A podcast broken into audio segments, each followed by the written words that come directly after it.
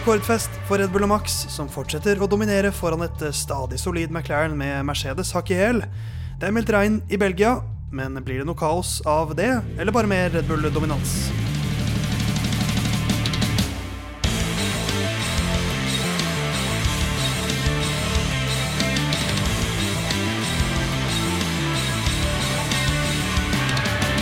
Formel 1-sesongen 2023 er eh, halvveis. 11 av 22 løp er kjørt. Lyden av curbs er kanskje ikke halvveis i sin sesong. Det vil jo tiden vise hvor mange episoder det blir i år. Eh, vi er tilbake. Theis Magelsen bak spak og klaff. Det står Theis Magelsen på det lille vinduet foran meg også. Det står uh, Vi sparer en til slutt her. Det står Jon Halvorsen på en. Du befinner deg på hotell på ukjent adresse, har jeg fått vite. ja, jeg er på vitnebeskyttelsesprogram. Uh, nei da. Uh, Göteborg er jeg nå. jeg har vært litt på reise, var i København. og dette, her vil Herman få vann på Jon Halvdan er en Vimsmølla si. Fordi jeg skulle tipse på en restaurant. rota først med legge inn tips, jeg vant til tast totalbeløp ble altfor høyt. Fjerna det. Endte opp med å tipse 50 øre. Så, så, det hadde på en måte vært bedre å For det er, det er, å, det er å spytte i trynet på servicenæringen, Jon Halvdan, og det har du alltid likt å gjøre. Ja, absolutt. Jeg har ingen respekt for servitører eller uh, kokker. Men så er det en mann her som har eh, respekt for ingen, uh, men han har respekt for en klubb i England Eh, det er blitt en slags føljetong i våre sommerepisoder hva Herman kaller seg i opptakningsprogrammet vårt. Pappa drepte Ikke drepte Og freudiansk slipp. Pappa gjorde det motsatte. Han døpte meg Ynva. Uh, kan du forklare bakhistorien der, uh, Herman Ynva Borgstrøm? Ja, det er, jo, det er jo ironi og sarkasme, da, som jeg bruker. Jeg liker jo det godt. Og jeg er jo ikke noe Liverpool-fan, eh, så det er jo bare utrolig harry eh, med de som døper barna sine for Ynva, da, som står for 'You Never Walk Alone', for de som ikke tar den. For du har kalt sønnen din for Red Devil. Jeg ville kalt sønnen min Ole Gunnar. jeg trodde du ville kalt sønnen din for God musikksmak, eller noe sånt. Nei, Ole Gunnar ville jeg kalt sønnen min. Eh, jeg ville kalt min sønn for Tor André, da, som sier litt om min laglojalitet. Ja. Eh, men det er, eh, det er, gjengen. Vi må jo ha litt tørrprat før vi skyter av gårde med dagens Lyna Curbs-episode. Så jeg tenkte å spørre er dere, er dere Team Barbie eller Team Oppenheimer? For å prøve å fange lytteren litt sånn, tidlig. Det er det ja. lytteren bryr seg om nå. Barbie eller Oppenheimer. Jeg har sett en av filmene. Jeg, jeg har ikke sett noen Barbie. av dem, men for å ta litt snikskryt, så jogga jeg forbi den kinoen her om dagen. Den kinoen? Som jeg er veldig stolt av. Jeg jogga, jeg jogga, forbi den kinoen oppe på Storo. Altså, det er på en måte i eneste, Oslo. Den eneste Imax-kinoen i Norge? Ja, det er vel en på Lillestrøm òg, faktisk? Er det ikke det? Eh, det er vel Eller er det bare Odeon? Jeg, vet ikke. Ja. Nei, Men visstnok ikke da riktig Odeon for å få det sånn som Christopher Nolan ville ha det, fordi han er så jævla sær. Uh, jeg, det, var, det var selvskrevent for meg at jeg skulle se Barbie først. Mye mer interessant film. Kjempefilm. Alle bør se den. Ja, jeg er på Team Oppenheimer, i hvert fall. Men eh, jeg har ikke sett den ennå. Men uh, det, jeg har jo Slapp av, nå! Jeg har, vært, jeg har vært på noen premierer til og med de siste åra. Jeg kan nevne Mission Impossible. Jurassic World 3. Og det er Du begynte var, så bra! Du begynte den, så bra. Den var dårlig, den. Og så kom men, Jurassic World 3. Minions 2. Men, Det er ikke akkurat godt men det de Perfect 4. Heller, men det jeg prøver å si, er at det er dritlett. Det er overraskende lett å få tak i kinobilletter i Norge, og til og med i Oslo. Men den Oppenheimer er det faktisk vanskelig å få billetter til. Så det må jo være et godt tegn på at den er eh, i hvert fall etterspurt. Takk for meg. Ja, jeg, jeg, Jon, Team Barbie eller Team Opp? Altså, Jeg er jo en Nolan-fan, da, så det, hvis jeg liksom må velge Jeg kommer sikkert til å se begge, men eh, det blir jo Team eh, Oppenheimer. Uh, uh, ja. Jeg sjekka for en uke siden, en uke fra nå, altså to uker før, om det var mulig å få de her uh, litt behagelige setene på Imax. da var det to igjen. så det er ganske behagelig, ja, ganske populær film. Behagelig og populær film. Men ikke sant, da har vi to Oppenheimer-gutter og en feminist som skal lage Linda Curbs sin 65. episode. Hadde du noe mer å si, Herman? Ja, la meg være litt kontrovers før du går videre på det veldig lite kontroverse punktet ditt. Christopher Nolan ekstremt opphausa, lager mye dårlige filmer. Oppenhausa. Da kan, Det er, hvis, hvis Herman ikke forstår tredjeakt i en film, så eh, går den i bøtta dårlig. Eh, Så eh, det er grunnen til at han ikke liker Nolan. Filmpodden! Nolan lager mye bra, men kjøre bil kan han ikke. Han er jo ikke involvert i denne Formel 1-filmen som Brad Pitt driver og lager. Kanskje kommer vi tilbake til den når den kommer ut. Men 65. episoden av Lyden av Curbs Vet du hvor mange pole positions Aiton Senna hadde, eller? 64. Ja, det er synd. Du bomma med én, du Jonathan. Du skal få gjette, du også. 66? 65. Ja, dere er så nære, gutter. Da var det jeg som vant. Um, det som er litt spesielt med Senna, var at han var jo kjent for å være helt ekstrem i kvalifiseringene. Um, 40,37% er hans pole position-andel, som er kun slått av to mann. Men det er da eh, tre mann. Jim Clark, eh, Alberto Ascari og Juan Manuel Fangio. Men de kjørte jo da mye færre løp enn det um, Senna gjorde i sin karriere. Så han kjørte jo da dobbelt så mange løp, løp som eh, både Fangio og Clark. Og fire ganger så mange løp som eh, Ascari. Så um, tidenes beste i kvalik, bortsett fra George Russell. Um, men uh, han hadde fire av dem i Belgia, så sånn sett hekter jeg det på Belgias Grand Prix, som vi skal til. Eh, men det er jo en double header. Skal vi begynne med å dra tilbake i tid og, dra, og besøke Ungarn? Mm. Det- det Dra tilbake. eh, en, en sang av Erik og Chris. Kan, uh, fun fact om Erik og Chris, de sang og spilte på uh, sko juleballet da jeg gikk på ungdomsskolen. Nok, nok vestkantskole fun der, altså. Ja. Vi drar til porselenens land, Ungarn.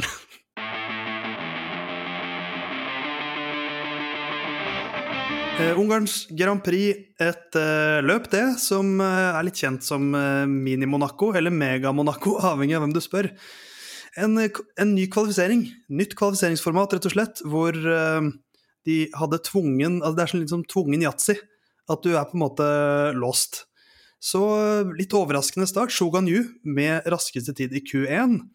Ehm, og så røyk jo George Russell ut der. Det var den liksom den store headlineren der. Lando Norris raskest i Q2, så det var en veldig dynamisk eh, kvalifisering. Der røyk bl.a. Carlos Sainz ut, Daniel Ricardo også, kan vi nevne, og Lance Stroll. Og så kommer Q3, Herman, og hvordan var de siste minuttene av Q3 for Herman Borgstrøm? Den eneste av oss tre som har sett alt live denne helgen, føler jeg. Ja, eh, stemmer. Jeg har faktisk sett alt. Tenk hva Dan Ricardo har hatt å bety for interessen til Herman Borgstrøm. Han har jo Ja. redda dette podkastprosjektet, da, Ricardo. Ja, du absolutt. nevnte vel uh, i chatten at når jeg satt også så Formel 3 Ja, det var, for det var det det by- Du har sett alt du kan, bare fordi noen feite tenner har kommet tilbake til sporten. Ja, jeg har sett mye, men det var, eh, det var stas, det. Det var jo en uh, veldig underholdende kvalifisering. Man fikk jo egentlig alt man kunne be om. Flere biler som så ganske bra ut. En bra fører ut tidlig, da, i Russell. Ricardo slo Sunoda. Uh, Perez kom seg videre, men så var han dårlig. Og så Hamilton som kniper pole på omtrent identisk tid. Eh, det var kult å følge, og litt artig med han, jeg, Altså, jeg liker Hamilton, jeg, men han er jo en robot. Eh, og for en gangs skyld, både i intervjuet etterpå og i bilen, så hørte man jo på en måte at det var en litt annerledes Hamilton som, som prata. Eh, han var helt ferdig og litt, men, litt menneske. Ikke helt, men litt menneske. Så det, det var litt kult. Og det ble hans 104. pole position, som da er klart flest av alle andre i hele verden. 32,4 andel, for de som lurte på det. Eh, Så kom løpet, og som Max Verstappen sa selv, for en gangs skyld så hadde vi en god start. Um, og så pusher uh, Hamilton over for å prøve å liksom forsvare sin posisjon. Det gjør at han får en ganske dårlig inngang til første sving og ryker ned noen plasser. Um, Verstappen tar ledelsen og holder den hele veien derfra og ut. Uh, Piastri er oppe der og ypper seg. Uh, Norris, McLaren får en god start. Summa summarum, Verstappen vinner etter å ha ledet alle rundene foran Lando Norris og Perez da til slutt. Hamilton og Piastri. Russell, Leclerc, Sainz, Alonso og Stroll. Topplagene tar alle poengene, rett og slett. Eh, men Johnny Boy, hvor blir eh, det løpet her avgjort, da? Eh, Nei, altså den litt I den grad vi kan si det, ha- halvdårlige kvalifiseringa til Verstappen, hvor han ble slått med tre hundredeler, som er bra kjørt av Mercedes, men det er en bil som da er god, veldig god i løpet igjen, Eh, og han ender jo opp med å vinne med 33 sekunder, og det gjør han fordi han leder eh, ut av eh, sving én. Eh, jeg tror det er 300 deler, Herman. Eh, men jeg kan godt sjekke det. Det var 3000-deler. Eh, La meg sjekke det. Jo, det er jeg som er Et eh, 3000 deler. 16609, et 16612. 3000 Jeg hadde riktig! Jeg hadde riktig en gang! Det er veldig bra. Eh, Men eh, eh, når da Verstappen velger at når vi først skal ha en god start, så er det det løpet der vi starter P2. Eh, og når du da i tillegg ender opp med å lede ut av sving 1, da er det ikke så veldig mye igjen å gjøre med han i det løpet. Kanskje Mercedes, om det hadde vært de som hadde P2, men de hadde race pace som var ganske på uh, likt nivå som McLaren. McLaren, uh, eller Norris, sa vel i ettertid at det var uh, de var litt bedre på dekkslitasje, så kanskje litt bedre eh, race, eh, altså eh, hastighet eh, i eh, eh, McLaren-bilen. Men de er ganske like. Peres kjører seg opp fra niendeplass, det er vel der han starter, til eh, en podie. Så det er åpenbart en bil som eh, klarte å hente ut de to tidelene, og når da Verstappen leder, eh, da er det avgjort. Og da blir det den tolvte seieren på rad til Red Bull. Det er ny rekord. Eh, Forrige rekorden var elleve seire på rad. Det var den Red Bull tangerte forrige uke. Den var da fra 1988. Eh, Da vant McLaren alle løpene bortsett fra ett i denne sesongen. Det løpet de ikke vant, det var på Monza. Da Senna skulle ta inn en Williams med en runde, så klarte den Williamsen å låse bremsene, som gjorde at Senna røyk ut. Da hadde eh, den andre McLaren-bilen problemer med motoren, var det vel, og så ble det dobbeltseier til Ferrari. Det var det ene løpet som McLaren ikke vant. Mm. Syv seire på rad for Max Verstappen, bare for å gå gjennom rekordene. Eh, nå to bak det Fettel hadde i 2013, som var ni. 44. seier til Verstappen, fortsatt da 59 bak Louis Hamilton, så du trenger ikke å stresse helt enda, Herman. Eh, og den ellevte seieren der Max Verstappen leder hver eneste runde. Eh, det er også tolv opp til Hamilton, så du trenger ikke være redd enda, Herman. Nei. Eh, så det er jo Verstappen-toget sier tut-tut. Uh, Peres bedre, men jeg syns det sier mye om hvor dårlig han har vært, når det er sånn Dette var en god helg for Peres, og han starter P8 og blir nummer tre og pisses egentlig på uh, av Verstappen, og spesielt sektor 2 var det vel at han bare ble parkert fullstendig av Max. Så det, er, det holder jo ikke mål, selv om det er tredjeplass. Nei, det er, eh, det er ganske dårlig av Peres, og jeg tror vi begynner å kunne eh, Det må være et litt bedre Ricardo-resultat til, altså. Ja da, jo, men, nei, men det er ikke det jeg skal si. Jeg tror jo at den bilen her, og det er for tidlig å si, og jeg har ingen Uh, Jeg har ikke nok erfaring til å si det, men det begynner å fremstå som uh, en av tidenes mest overlegne biler, uh, den som Red Bull har utvikla nå. Eh, og så er det jo en, så vi, må man jo se litt ulikt på det. Er det Snakker vi over én sesong, snakker vi over en tidsperiode? For Mercedes dominerte jo i mange år, men at det, altså akkurat så overlegne som de er nå, Eh, det virker jo mye mer ekstremt enn det Mercedes Ja. var, i hvert fall. Sånn at uh, Peres burde klare å få til mer, men uh, alle andre virker jo helt sjanseløse. For er det, er det der vi må kanskje nyansere det litt og si at denne bilen Mm. med Verstappen er en av de mest dominante, dominante bil-førerkombinasjonene vi har sett. For Perez er 32 poeng foran Fernando Alonso nå, etter at Alonso har tatt ganske få poeng siste tiden. Eh, så jeg er fortsatt litt usikker på hvor, hvor, hvor, hvor god hadde Russell vært i den bilen. Er det, er, hvor mye er Verstappen og hvor mye er bilen? Det syns jeg fortsatt er litt uklart. Ja, det er jo litt vanskelig å bedømme òg, fordi eh, noen må jo vinne, og nå er det maks. og Hvordan hadde det sett ut hvis du hadde tatt ut maks? Eh, det er sikkert et eh, ganske enkelt regnestykke, men ikke et jeg kan ta raskt her. Men i alle fall Eller kanskje Peres mot Kanskje Perez med Logan Sargent hadde vært like dominant, på en måte. eh, ja, Sånn, type, typ, da, er er det han som er lederen, så da kjører han på en helt annen måte. ja, det er mulig, fordi Om dere skjønner tankespillet. Jo da, hvis du hadde strøket Verstappen denne sesongen, uh, ikke den Red Bullen, så hadde det vært en mye mer spennende sesong. Fordi uh, hvis vi tar topp, det som hadde vært topp tre dette løpet, med Norris uh, etterfulgt av Perez tre sekunder bak, etterfulgt av Hamilton to sekunder bak, da er det, det er plutselig et tett løp.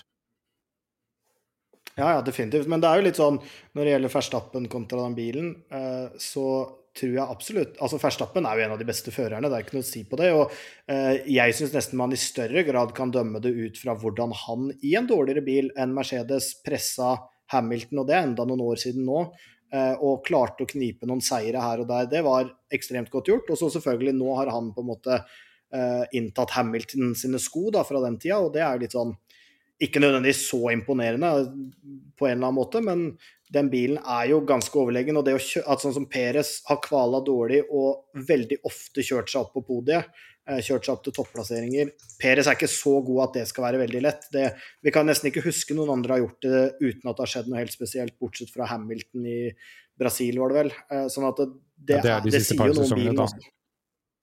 Ja, ja, ja, men det er vel det vi på en måte må ta og sammenligne hvert fall sånn bil i moderne tid med. da. Så Hamilton klarte det den ene gangen, og så er det sikkert noen andre ganger, og så Perez gjør det jevnt nå, liksom. Ja.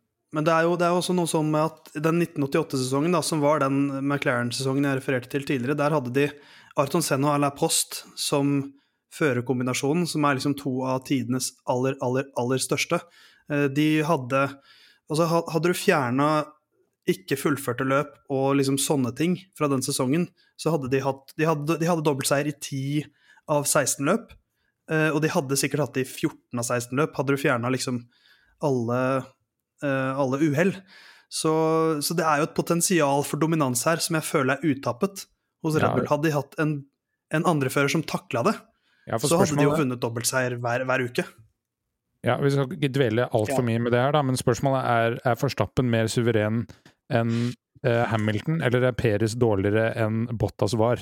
Det er jo liksom her spørsmålet her, fordi det var mange flere 1-2 med eh, Hamilton, og jeg er jo på eh, at Bottas var en bedre fører enn i Mercedes. Eh, jeg har endelig blitt med det toget, eh, som jeg fortalte for et par uker siden. Eh, så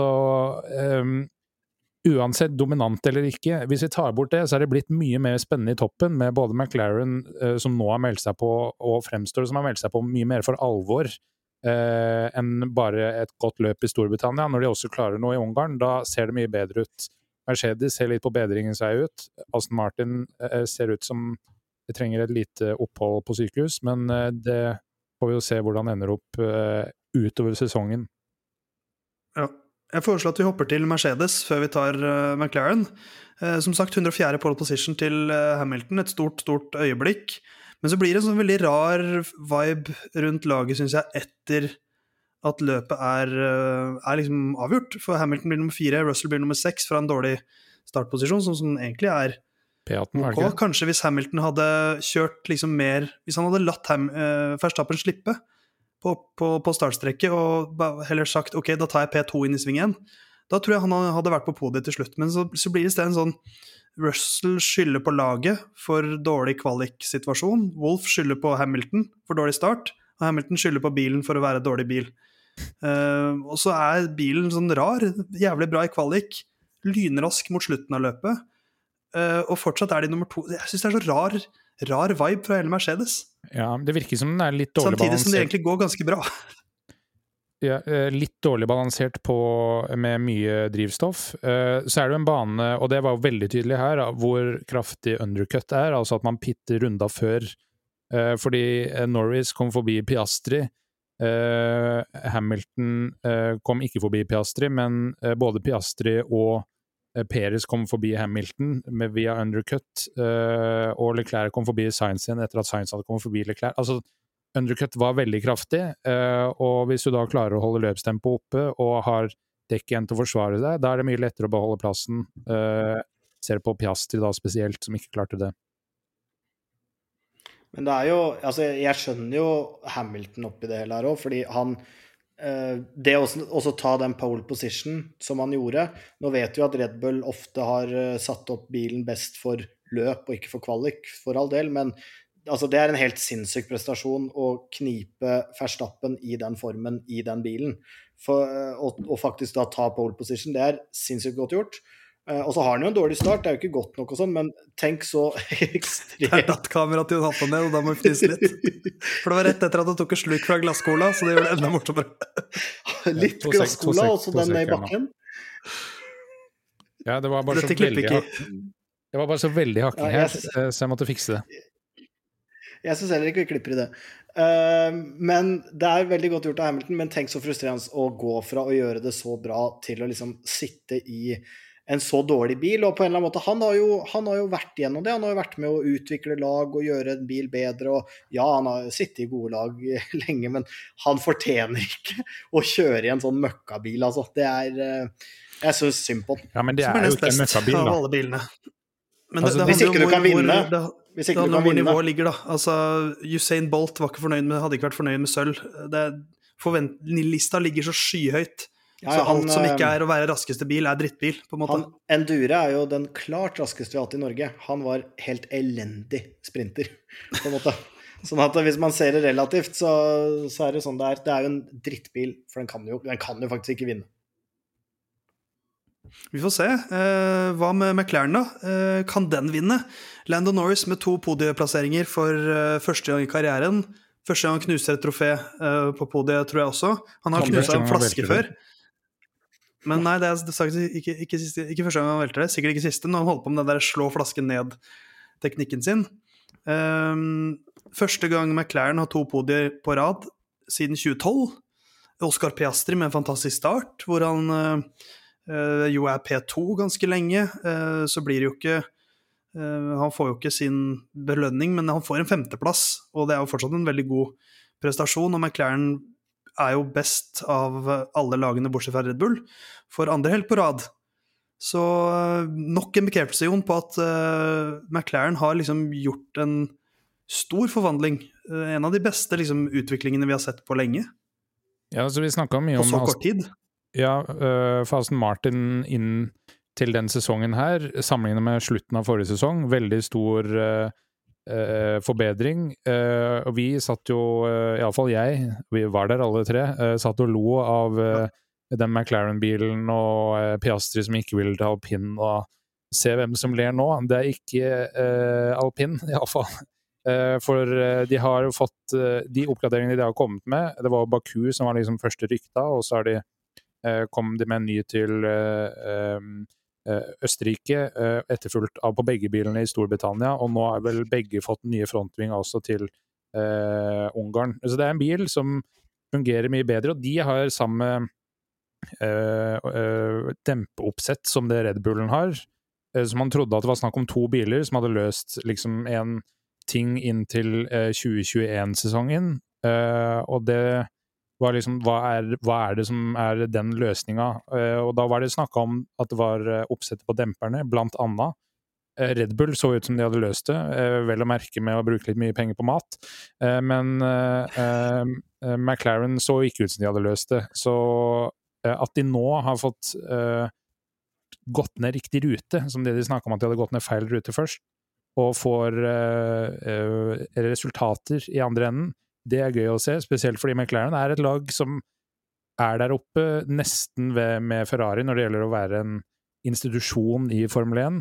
Og når Ferrari fortsetter å bare være Ferrari som bare Ferrari kan, så er det gøy at McLaren er nærmere eh, toppen enn det de har vært på lenge. Jeg har jo også mer trua på McLaren enn de andre lagene nå, fordi for å ta et sitat fra Fantasy Premier League, så skal man jo satse på form over fixture. sånn det har jeg sagt i flere uker nå. Form er eh, ferskvare. Ja, sånn at det å faktisk se hvem er det som er best nå, hvem har utvikla seg, sånne ting, eh, så har jeg jo på en måte mer trua på at McLaren kan fortsette med noen kvantesprang, selv om kanskje en mer realistisk side ville vært ok, nå har de truffet på noe utvikling, nå har de brukt masse ressurser, nå må de på en måte lande neste steg, og da bruke noen løpshelger på det og sånne ting. Så det kan være at de på en måte må vente litt før neste steg, men, eh, men akkurat nå ser det ut som formlaget. Og eh, da må vi også trekke fram en kar eh, som Jon og jeg har backa en stund. Så jeg lurer på om du har fått noe, noe endret syn. Jeg så en, som, en, kommentar som hevdet at eller som sa at dette, det Oscar Piastri gjør i år, det er det beste en rookie har gjort siden Charles uh, var rookie. Um, og så har jo noen vært litt sure på McLaren fordi at de pitta Norris først, selv om det var for å forsvare seg mot, McLaren, mot um, Hamilton, vel. Og så har Piastri selv sagt at han ikke hadde tempo til å henge med Norris, så han har ikke noe problem med strategien. Uh, men han blir fortsatt nummer fem, og nummer fire foreløp, 27 poeng. Herman, uh, hva syns du om Piastri for tiden? Nei, det er vilt imponerende. De to siste løpa er faktisk helt ekstremt imponerende. Og det er eh, noe modent over det òg. Det er ikke på en måte bare pace, eh, hvis du skjønner hva jeg mener. Det er uh, Ja, det, for det fremstår liksom hva skal jeg si, Man har sett andre førere som har vist prov på enorm pace, og så er et eller annet vinga går av på en eller annen idiotisk måte, eller de blir for heite fordi de ikke er vant til å være oppe i toppen, eller noe. Men det har vært veldig modent. Uh, og jeg kunne på en måte i større grad backa dere nå med at han kan på en måte bli en future uh, world champion. Men det jeg syns var piss den gang vi vurderte det, det var at det blir litt sånn det blir litt sånn OK, han så, jeg så han, han var god på Fifa, så jeg tror han kommer til å bli god på ekte. Uh, det føltes sånn, for, vi, for min del var det mest at jeg hørte hva andre sa. Ja, ja det, Men i hvert fall nå har jeg sett med egne øyne og er veldig imponert. Ja, men, jeg, har ikke sett den, jeg har ikke sett den live, da. For jeg liker ofte å ned og se løp live for å få et ordentlig inntrykk av ja, hvordan de kjører bil. Du pleier å si at ting du gjør én gang, er ofte.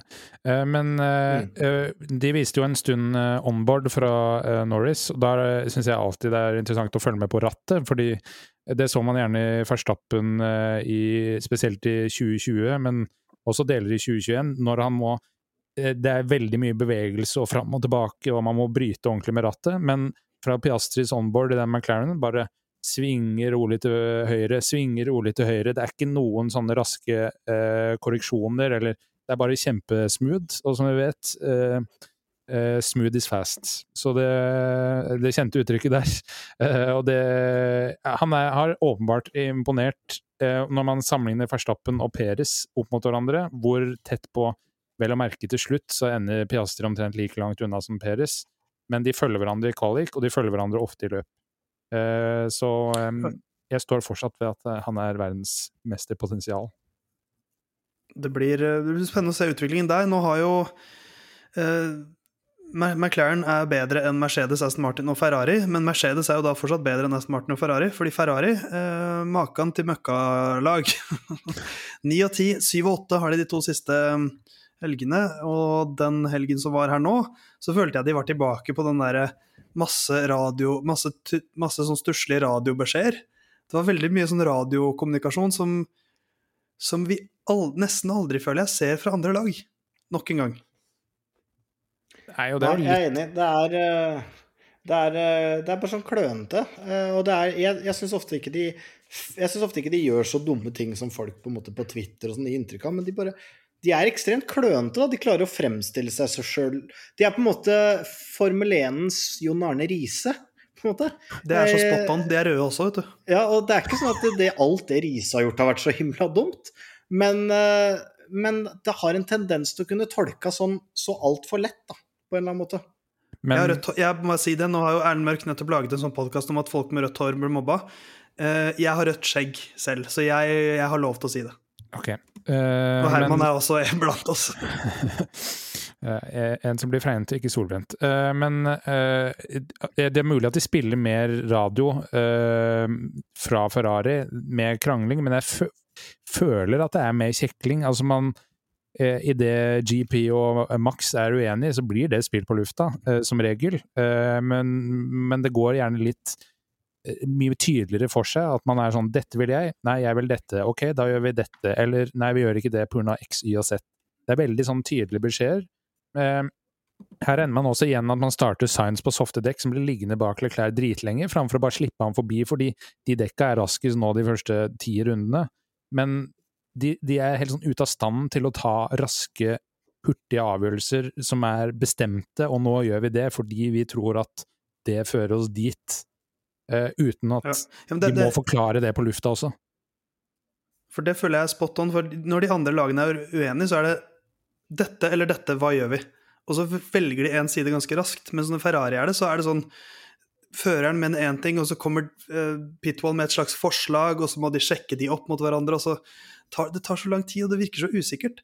Um, så det er uh, Ja de hadde den raskeste bilen på starten av fjoråret, og nå er de det femte raskeste laget. Ja, for det er, jo, um, det er, jo, mye mer problematisk egentlig enn å være litt klønete på de tinga der. For det, det, skjer alle lag, men det, det, de gjør med den bilen, er jo ikke godt nok, i hvert fall. Det er jo, ja, men det er jo klønete hvert løp også. Mer, ja da, men det er mye mer kritisk at ikke Leclerc sitter i en bil som på en måte alltid er en potensiell seierskandidat som det de hadde et utgangspunkt i. da. Så det, er jo veldig klønete hva de har gjort der uh, ut fra utgangspunktet. Så eh, Ferrari går det ikke så veldig bra med for tiden. Red Bull leder eh, foran Mercedes Aston Martin Ferrari, men så kommer også McLaren Mercedes, nå som de faktisk heter offisielt, og har henta ganske mange poeng på to runder nå. Um, skal vi se hvor mange poeng vi henta denne runden her nå, eller har vi et par andre lag vi har lyst til å nevne? Eller skal vi gå på tippinga? Ja, bare litt ba, Egentlig betraktning at vi har nå en topp fem som er liksom en ganske tydelig topp fem, og det trodde man ikke for et par år siden at man kom til å ha. Ok, vi har et topp én, og så har vi nest topp fire. Uh, ja, Red Bull er såpass suveren som de er nå, men nå er det fem lag som, når Red Bull ikke er der, uh, altså fire lag, da, uh, som kan vinne hvis Red Bull ikke gjør det bra. selv om denne gangen var Alonso de et stykke unna, men jeg tror at uh, Aston Martin kan komme tilbake igjen. Vi får se. Det er vel også greit å nevne um, Ricardo, uh, så vidt der. Hva, hva syns dere? Altså, fakta er jo at han slo uh, Sunoda, gjorde han ikke det? Ja, han ble nummer 13, Sunoda 15, uh, ja. og slo han vel også i kvalik. Mm. Um, så det, det, er jo, ja, men, det er jo ryddig. Solid. Han, han kaller P13, ender opp P13, er veldig uheldig i starten, fordi Shaw har noe problemer med bilen som ikke går i antistål, men motoren vil ikke starte pga. noen bremsersproblemer som bilen har oppfatta, som gjør at han uh, starter mye tregere enn de andre, og så har du Botta som svinger unna det. Og Ricardo også kommer seg forbi, og Shaw bremser for seint, enten pga eh, dårlig førerfeil eller bremseproblemer, krasjer inn i Ricardo, som krasjer inn i Gasly, som krasjer over Ocon. Eh, og da er begge alpinbilene ute, og Ricardo er helt sist. Så ikke dårlig at han kommer seg opp til P13 på den norske sendinga, jeg liker jo også å skryte av kommentatorene, men der var eh, Atle Gulbrandsen selv etter på en måte eh, ja, fra, i veldig mange repriser så mener han det er Ricardo sin feil, og så får de på en måte innhenta informasjon fra utsida at nei, det er Sjo. Uh, han mener fortsatt ja, han tror det er Ricardo, og selv når den tidsstraffa blir gitt til Sjo, så mener han at det kan hende det var Ricardo som uh, forårsaka noe. Så akkurat der må jo jeg da som Ricardo-fan få lov å si at det der, uh, der var ikke helt heldig med kommenteringa. Så får vi gråte litt for Sjo også, som får en kjempestart uh, i, eller som får en kjempestart på helgen med kvaliken. P5 det var helt sjukt. Mm. Uh, men så skjer det jo i første sving. Men uh, da, gutter, går vi på tippinga.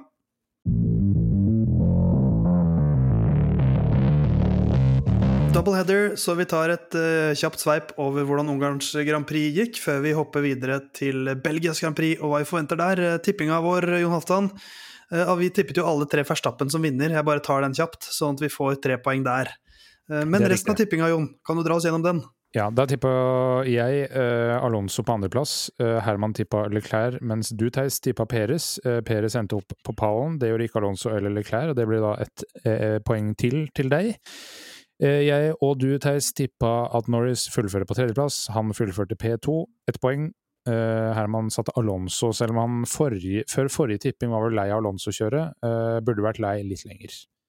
Uh, så kan vi jo da Så da er jeg, jeg må, jeg må bare nevne, jeg er den andre i år som får hele podiet. Herman, du hadde hele podiet i Saudi-Arabias Grand Prix. Ja. Ja, øh, og jeg hadde det i Canada uh, ja. med fulltreffer uh, sammen med Herman. Stemmer det. Så tredje, da. og du, det var ikke en fulltreffer, det var to halvtreffere og en heltreffer. for å gå videre da til ukens sjuking, så tippa Herman at Daniel Ricardo fullfører ikke løpet, men blir driver of the day. Jeg tror ikke han ble driver of the day. han ble fullført Det ble Sergio Perez. Ja, Uh, jeg eh, tipper at Daniel Ricardo kommer til Q3 og kvalifiserer høyere enn Peres og Sunoda. Han kom til Q2 og kvalifiserte høyere enn Sunoda, uh, men uh, innafor er han ikke.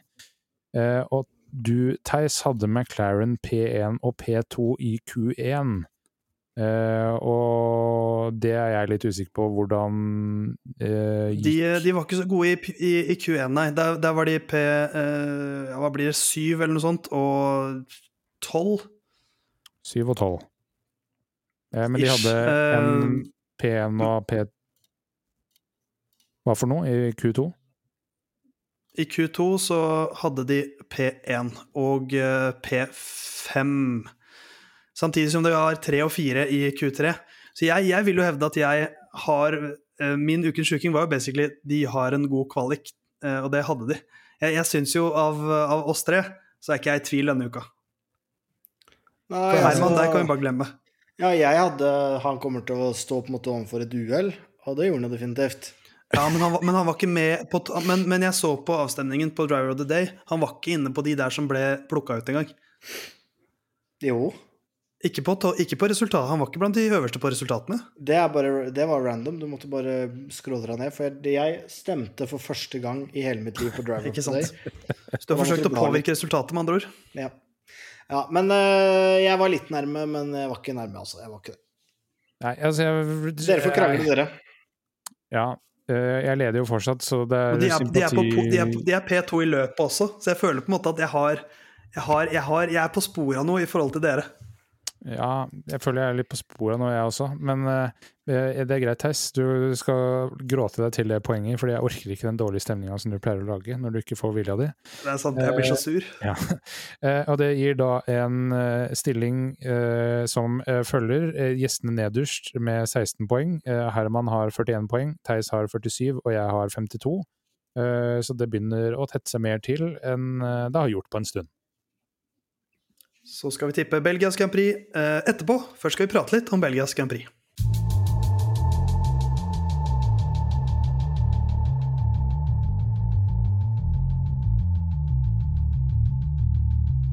Belgias Grand Prix skal vi prate om nå. Det er et av våre favorittløp, i hvert fall hvis vi spør Jon Halvdan. I fjor var det Max Verstappen som vant, året før så var det Max Verstappen som vant. I 2020 så var det Louis Hamilton som vant.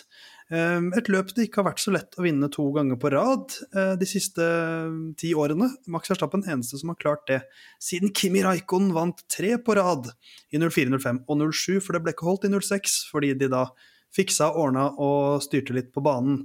Det er sprinthelg, men Jon Halvdan, Spa Francorchamps, en bane du kunne prata om i fire timer hvis du fikk tid. Kan du snakke noen minutter om den, i hvert fall? Det kan jeg gjøre. Eh, man er vel raus med begrepet vinne eh, når man snakker om eh, 2021-Belgia, men eh, eh, Står sånn i historiebøkene, si.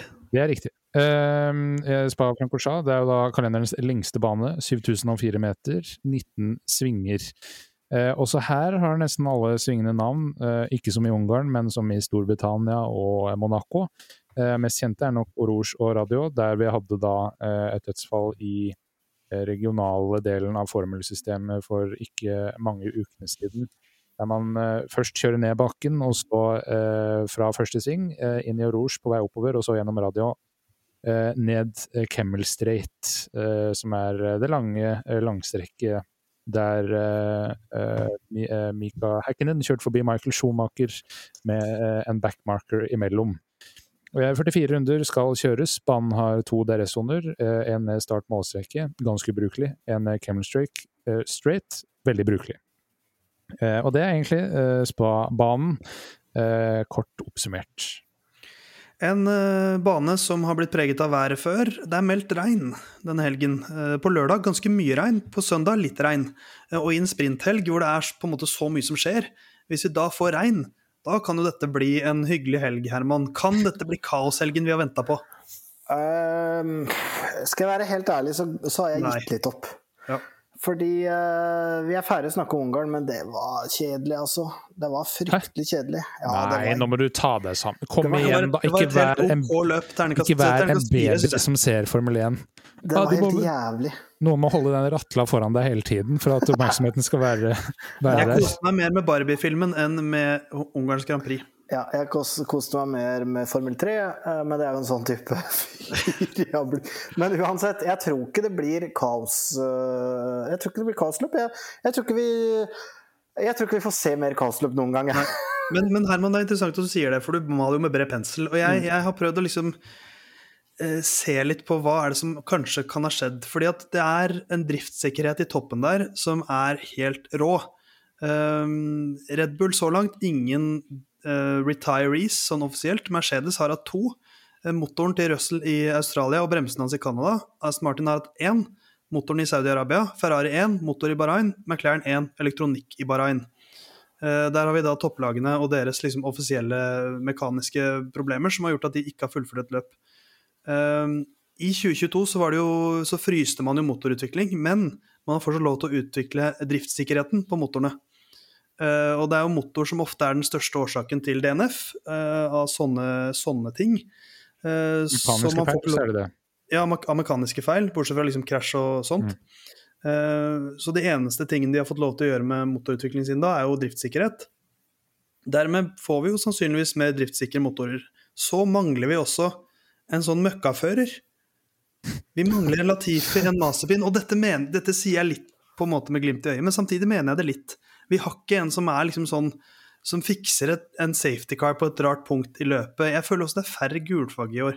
Uh, ikke noe statistikk på det, men det er bare følelse jeg sitter med. Mm. Så jeg sitter litt også med det inntrykket som Herman gjør, med litt smalere pensel, at nå er driftssikkerheten i toppen så bra, og de fleste førerne er så gode, at sannsynligheten for kaosløp er mindre. Men hva ingrediensene da i et kaosløp? Hvis vi har Monza 2021, da er det at uh, to uh, tittelkjempende førere krasjer inn i hverandre. Uh, hvis vi har um, siste løpet som Herman har fortrengt, Abu Dhabi 21, så er det da en dårlig fører i veggen. Det er riktig. Monza 2020 da var det Leclerc i veggen, pluss at Hamilton kjørte på rødt lys inn i pitwall. Og, men liksom skikkelig ordentlig, kanskje siste kaosløp var Hockenheim i 2019, eh, og da var det regn, passelig mengde. Altså at det regnte først på starten, man kjørte noen runder, eh, det regnte ikke, så begynte det å regne litt igjen, før det ble etter hvert tørka ut. Da er det også eh, Så det er kanskje det man trenger, et sånn helt forferdelig løp fra maks for ja. at det skal bli et kaosløp. For, for det var det som skjedde i Hockenheim, og det var det som har skjedd egentlig eh, de andre lø lø løpa også, at den som er suveren, er ute av det. Ja, det, men det, poenget mitt med, din, med motorene er jo at, og, og, litt den statistikken på topplagene, er at driftssikkerheten er så god i toppen nå at den der liksom motoren som ryker eller noe sånt, virker mindre og mindre sannsynlig for hvert løp som går, syns jeg. Eh, så da er det, som du sier, noe må skje. Uh, det må være en dårlig kvalik. Nå så vi at Max Verstappen kan bli slått i kvalik i litt spesielle omgivelser på, i, i, Ungarn. Uh, men jeg, jeg, tror det eneste som kan vippe dette bort fra Max Verstappen, er at han fucker opp. Uh, ja. På ganske stort vis, for det, det, holder liksom sving, ikke med P4 i kvalik. Det er en sving igjen med stort potensial for at andre hjelper deg å fucke opp. Definitivt.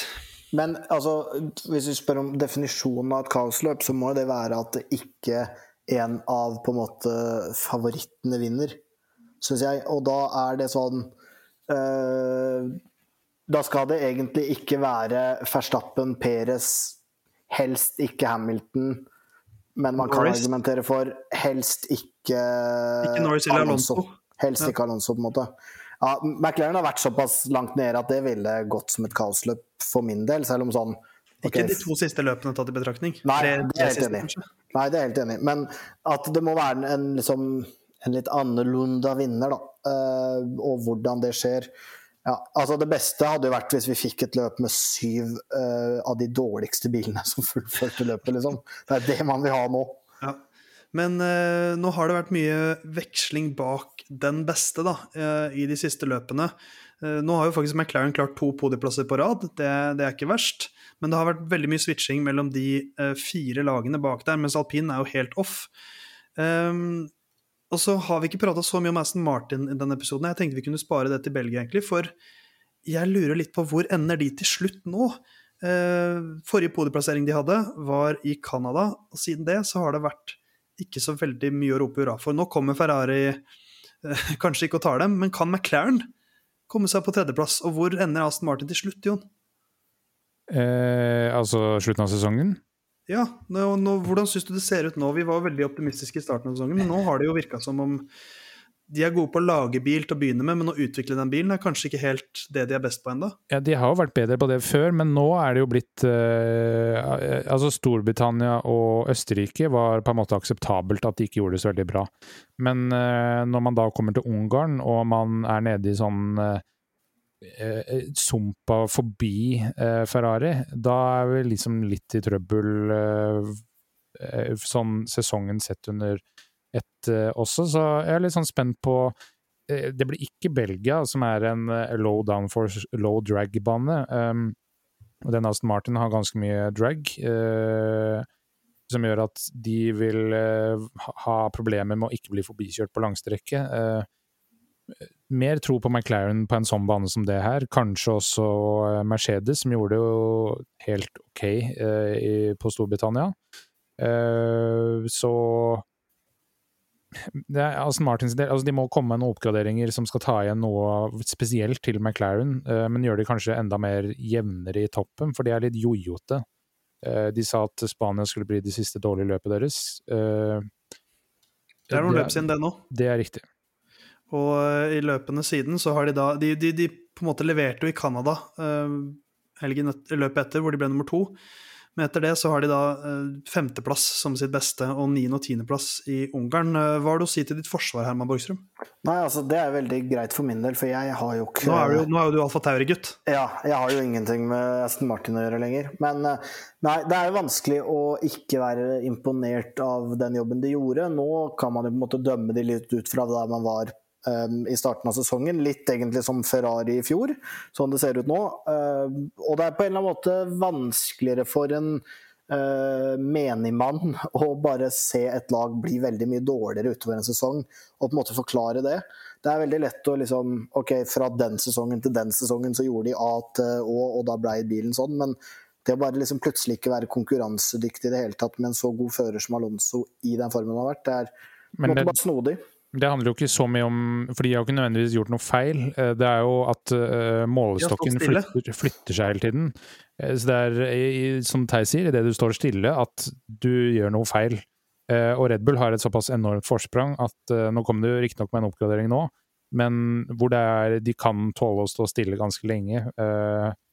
mens det har ikke Aston Martin, og i hvert fall ikke noe McLaren Det er liksom Mercedes venter jo også på den det er lite trolig at de får denne sesongen her, men hvor du bare åpner en lås, og så kommer det liksom fem-seks tideler per runde ut der. Uh, det gjorde Aston Martin inn i sesongen.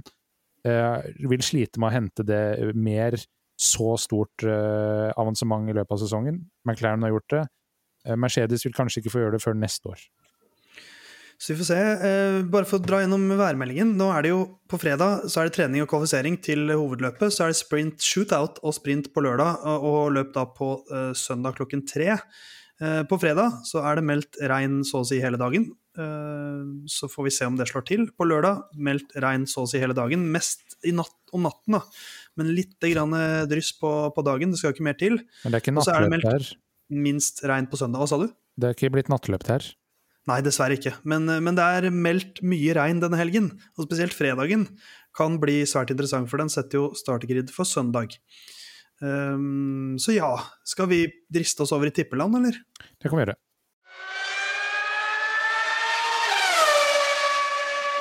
Herman hører hjemme i tippeland, i tippeland og i tippeland.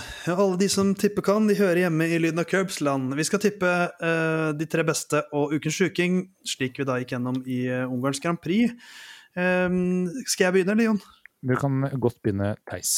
Kittin, uh, Verstappen, Peres og Norris er akkurat det samme som jeg tippa sist. Okay. Men, nå, men, nå, sitter han, for nå kommer Peres til å kvalle P7, og så kjører han seg opp til P2.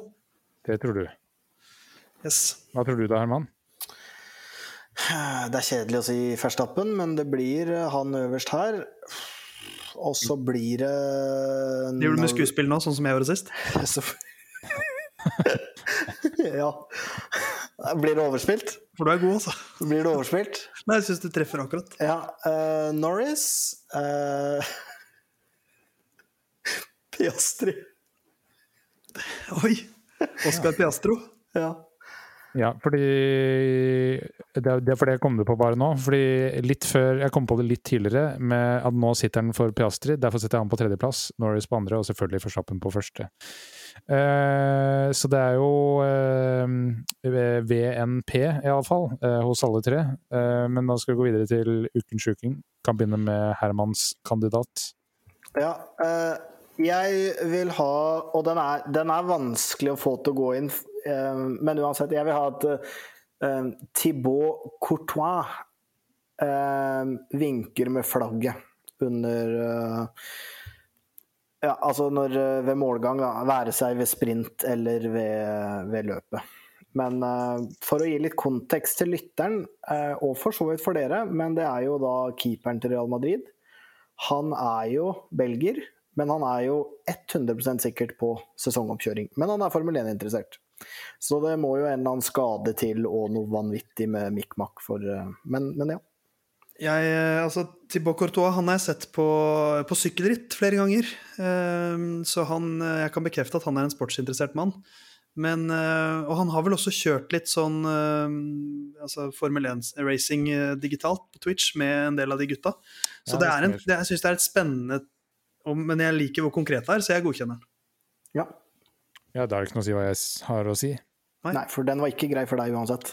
Uh, jeg måtte ta et uh, lite Google-søk der det sto uh, hvem, hvem, som skal vifte med flagget, bare for å sjekke at du ikke har noen kilder her.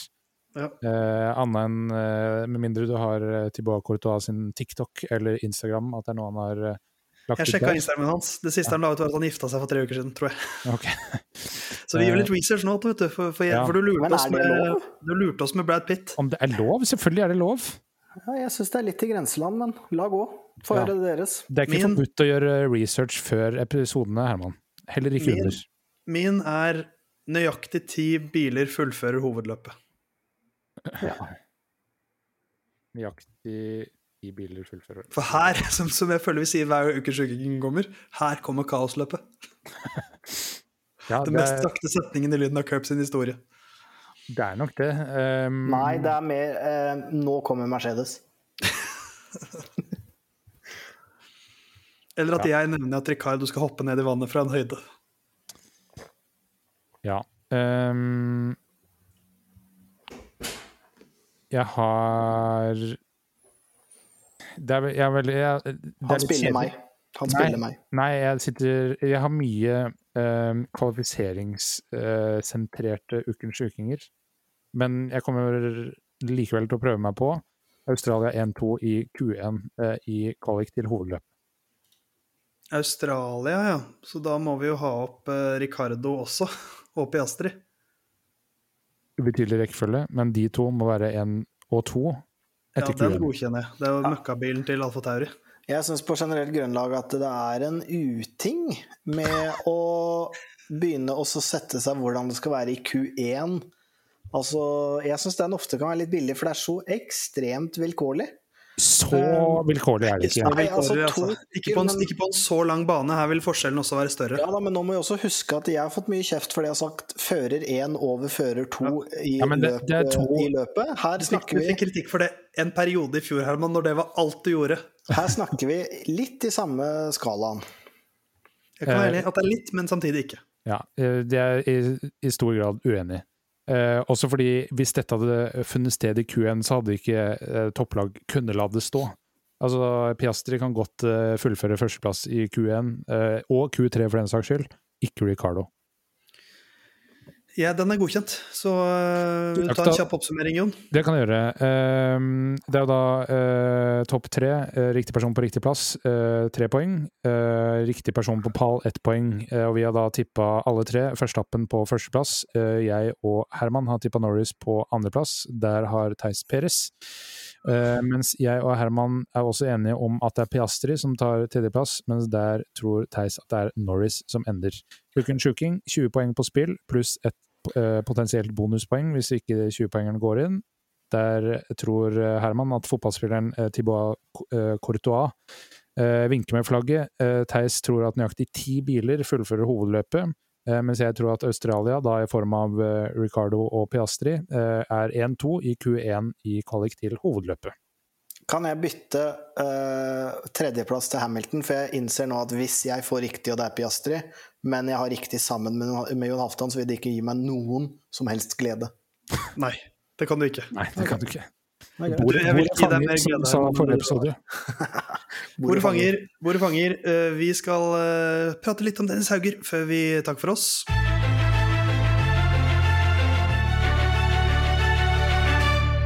Formel 2 må vi svippe innom. Det har vært mange triste prater om det de siste månedene. Men nå har Dennis Hauger vunnet et løp igjen. Han vant sprintløpet i Ungarn og ble nummer syv i hovedløpet etter å da kvalet eh, P9. Ikke si S til slutt her, Herman. Så voksen kan du prøve å være. Eh, Men eh, kvalikproblemene er fortsatt til stede for Hauger. Men han eh, tar kurs mining ganske fint i første sving, det er ikke lov å si. Og så leder han ganske solid. Et modent og bra løp fra Dennis Hauger i sprintløpet, sånn som han holdt på da han var god i Formel 3. Jeg syns han kjørte modent og avslutta også veldig godt, vant med en komfortabel luke ned til Iwasa og Ollie Bearman til slutt. Eh, Så blir jo hovedløpet litt begrensa muligheter eh, gitt kvalifiseringsstarten, men, eh, men P7 der også. Det er jo det beste Dennis har gjort på lenge, det her, Herman, så vi må jo være litt positive nå. Ja, ja, Han har absolutt. vunnet et løp. Ja, jeg kåla det. Jeg sa det. Nå kommer den. Så det der var jo faktisk en bra Hva skal jeg si. Det er jo, det er jo litt heldig, og på en eller annen måte så, så føles det jo alltids rart å kvale, kall det dårlig, da. Og så vinne et løp. Men allikevel, det er nå engang sånn den sporten er. Eh, og det er veldig viktig å ta de sjansene når man får de. Så det eh, var jo en solid helg. Mangler litt eh, på kvaliktempo enda, men, men det er ikke noe å klage over det der, sånn sett, ut fra resten av sesongen. Absolutt ikke. Han takler eh, presset, eh, viser han, eh, som han på en måte choka på i Aserbajdsjan. så Det var fint å se, sist han da leda et sprintløp. Eh, bra løpstempo, eh, men så er det den kvalifiseringen da, som eh, han har litt å hente på. Men, men det er litt sånn som altså Nå har han to løpseiere. Det er flere enn Theo Porcher, som er nummer to. Som på en måte bare beviser nok en gang at det å være jevn og stabil er det viktigste. Victor Martins, som er nummer fire, har én løpseier. Så det er liksom det er kvalik som gjenstår for Dennis nå. Jeg syns han viser at dekkene hans holder alltid distansen. Um, han har bra løpstempo når han først får vise det, uh, og havner i situasjoner hvor liksom det er plass til å bare kjøre jevnt. Men det er de kvalikene, altså. Jeg, jeg blir så skuffa hver eneste fredag, er det vel som regel, etter den kvaliken. For det er alltid sånn et sted mellom 7.-plass og 15.-plass han ligger. Ja, ja, men det er, liksom, det er jo det han hva skal jeg si, det er jo det han mangler, og det er jo rein pace, det. da. Eh, Sånn at det å få inn, få inn det, så kan vi jo begynne å snakke om at det ser ordentlig bra ut. Eh, Så var det selvfølgelig et steg i riktig retning, men eh, det er jo ikke friskmeldt sånn sett.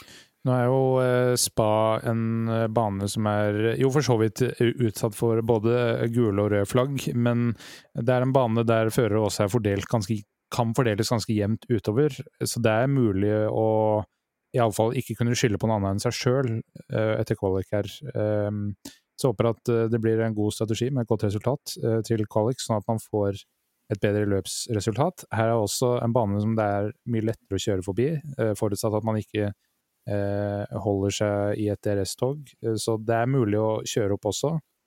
Så unnskyldning er ikke så mange. Så øh, kjør på, Dennis, øh, men ikke sånn andre Ikke kjør på Dennis, dere andre, da. Eh, Åtte løp igjen, altså da fire runder, og så får vi se hvor det ender til slutt. Det er litt flere løp igjen av sesongen for seniorgutta, for å si det slik, men det er bare ett løp igjen av sommeren før høstsesongen starter. Eh, Lang pause etter Belgias Grand Prix. Nederlands Grand Prix 27. august er da neste løp.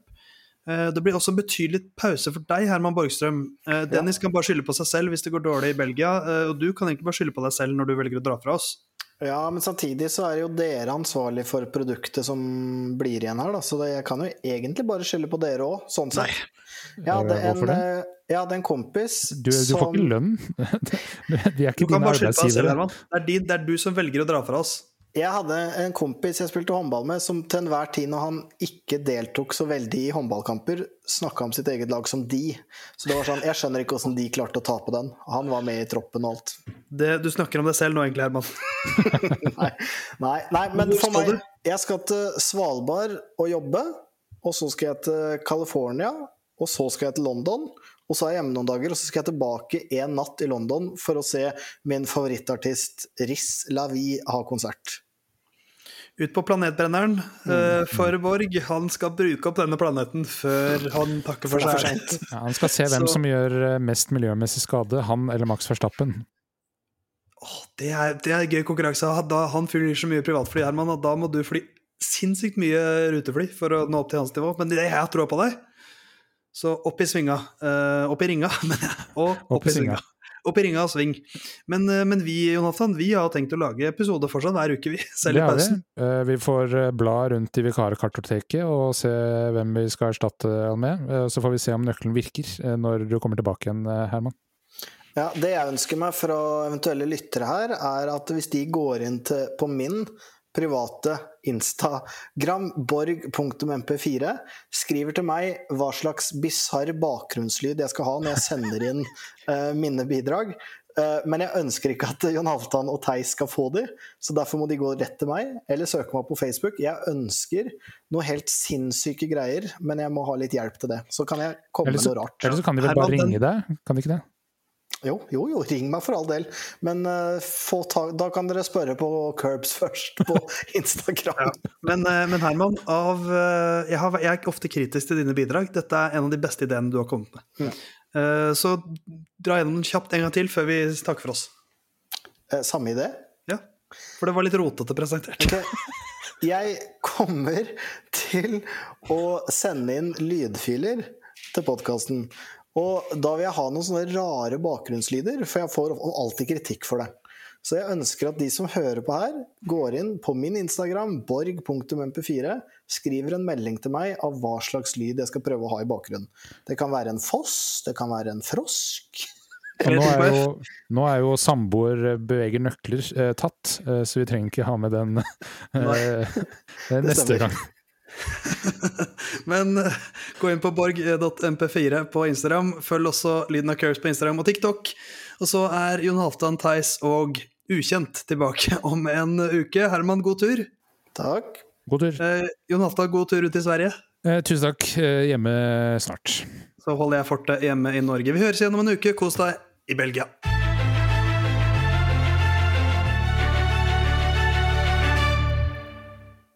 Det er svart november, havet krus Fy faen, se Jon koser seg med glasscola. Ja. Uh, room service, holdt på å si. Uh, minibarn. Mi, har du minibarn? Bitte små barn. Åh, den der hadde pappa likt.